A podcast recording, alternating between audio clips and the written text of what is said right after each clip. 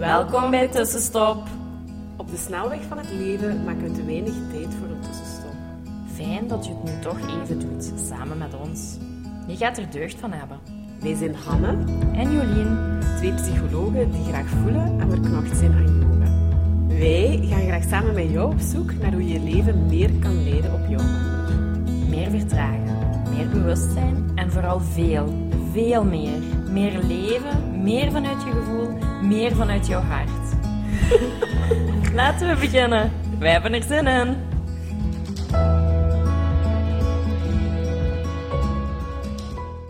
Dag lieve luisteraar, tussenstopper, goeiemorgen, hier toch. Ehm, ik neem eventjes, ben ik even alleen vandaag. Uh, Jolien is teruggekomen uit Bali en ehm, ja, die heeft eh, van alle lichamelijke klachten, ehm, voedselvergiftiging gehad en dan ja, ziek geworden en uh, die raakt een beetje moeilijk hersteld op dit moment.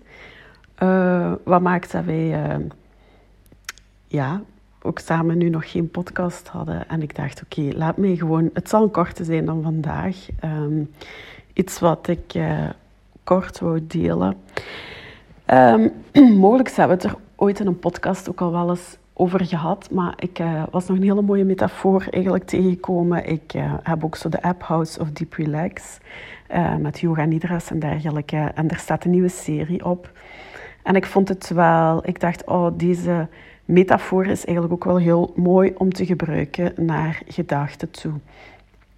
Want um, ja, in de praktijk gebruiken we dat sowieso veel, of in het werken met mensen, um, van, om een beetje afstand te leren nemen van je gedachten. En om uh, ja, niet meer samen te vallen met je gedachten. Hè. Vaak als we problemen hebben, um, gaan we ons helemaal identificeren met die gedachten. En zijn we die gedachten. En um, die overtuigingen. Maar dat, dat klopt niet. Ja?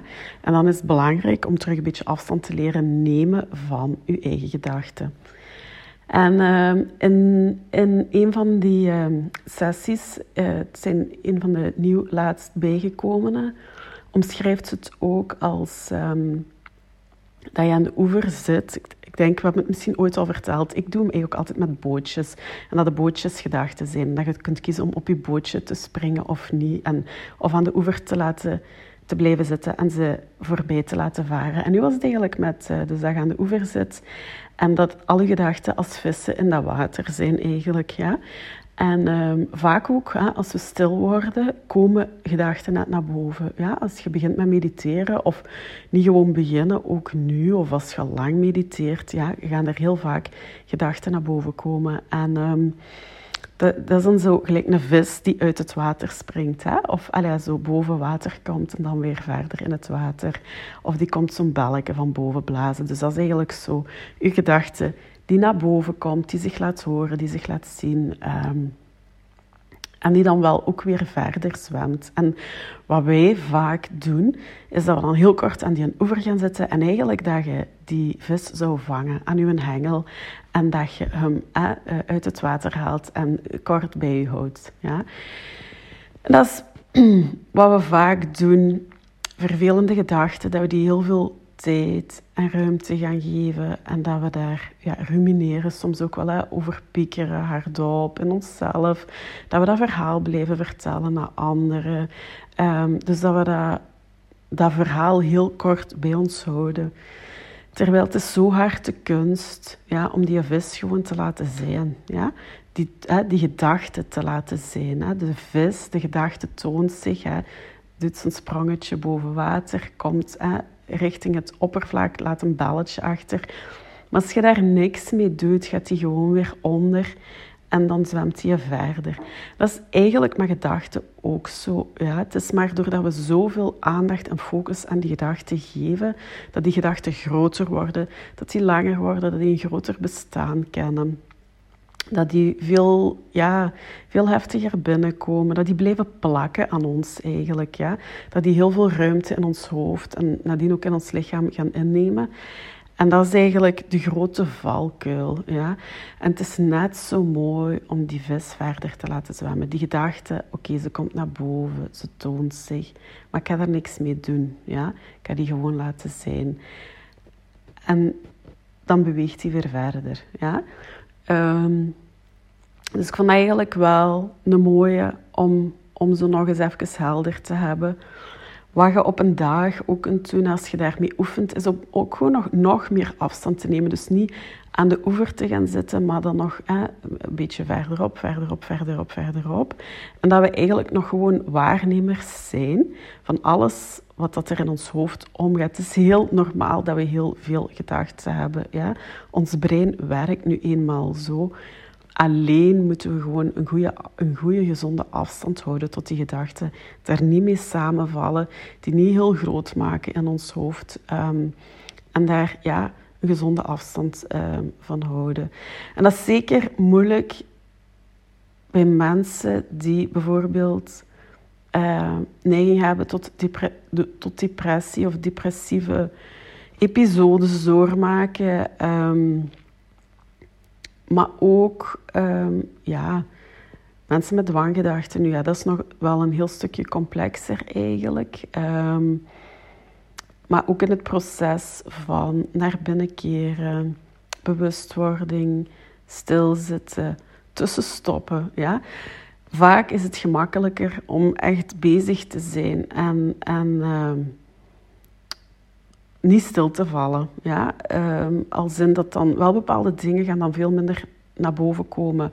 Omdat je zo hard in die afleiding zit. We zijn een maatschappij met echt veel prikkels, veel afleiding.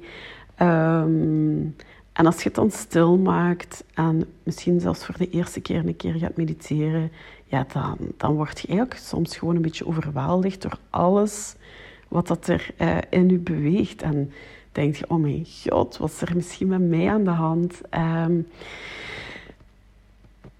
ja, het is dan gewoon de kunst om daar rustig in te blijven, rustig in te zijn en daar niet mee te gaan samenvallen. Het gewoon allemaal als een toeschouwer te aanschouwen, van op een afstand, je er wel bewust van te zijn, ze gewoon te laten passeren. Dus ik vond het wel een mooie metafoor. Hè? Um, om je gedachten dan te zien als die vissen in het water. Die voorbij zwemmen als je ze niet vangt. Um, die even een boodschap komen geven. Een belletje komen blazen. Of er is zo een sprongetje doen. En dan weer verder zwemmen. Ja? En dat is een mooie. Um, dus je kunt deze gebruiken de volgende keer. Ehm, een andere die ik heel veel zelf al gebruik. Je gedachten zijn als bootjes. Dus je zit opnieuw aan de oever. Maar het zijn bootjes die voorbij komen. En wat we heel vaak doen, is op dat bootje springen en ermee op verder varen. Ja? We houden die gedachten vast. We geven daar heel veel aandacht aan. We voeden die. We zitten op het bootje. Terwijl het is ook de kunst om aan de oevers te blijven zitten en dat bootje wel op te merken. Maar ook gewoon verder met de wind te laten varen en voorbij te laten gaan. En ook eh, in het proces van nog meer afstand nemen, het nog meer gewoon laten zijn, acceptatie van wat is, om ook nog meer afstand van die over nog wat verder en verder en verder te komen. En gewoon een waarnemer te zijn. Voilà, dat is een uh, vrij korte boodschap, maar wel een helpende tool, iets heel visueel denk ik, um, om ja, daarnaar te kijken, daarmee bezig te zijn, um, daar een vorm aan te geven. Um, volgende keer als je merkt, oh mijn god, ik ben hier al, hè, ik zit al heel die autorit te schikken op dat ene. Of, en, ik, of, en ik heb mijn verhaal vandaag al tegen die collega gezegd en ook tegen mijn partner. En, je blijft daarin hangen en je merkt dat het heel veel tijd en ruimte inneemt van visualiseer je dan eens even aan die oever zitten. Uh, pak de vis, pak het bootje, wat fijn voelt, wat vibreert voor jou.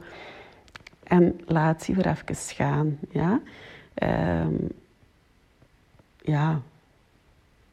ga in die visualisatie. Uh, neem het u even mee. Neem afstand op die moment. Laat ze voorbij varen of zwemmen. En ga ook meer van die oever weg. En probeer dat. En opnieuw en opnieuw en opnieuw en opnieuw. Want het is niet omdat je dat ene keer gaat proberen dat je dat onmiddellijk gaat lukken. Dus blijf dat oefenen, blijf jezelf daarin trainen.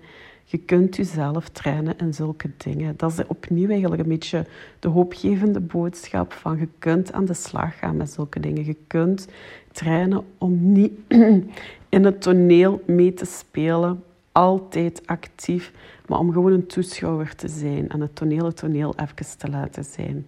Ja, voilà. Even uh, ja, een korte podcast voor jullie. Volgende week zijn we er hopelijk, of daar ga ik vanuit, zijn we er gewoon weer met ons tweetjes. Uh, geniet heel erg nog uh, van de mooie najaarsdagen en uh, graag tot volgende week. Bye. Dankjewel voor het luisteren. Laat ons weten wat jou geïnspireerd heeft en welke tips en tricks jij gaat toepassen. Je doet ons heel veel plezier met onze tag op Instagram. En een review achter te laten. Tot de volgende keer.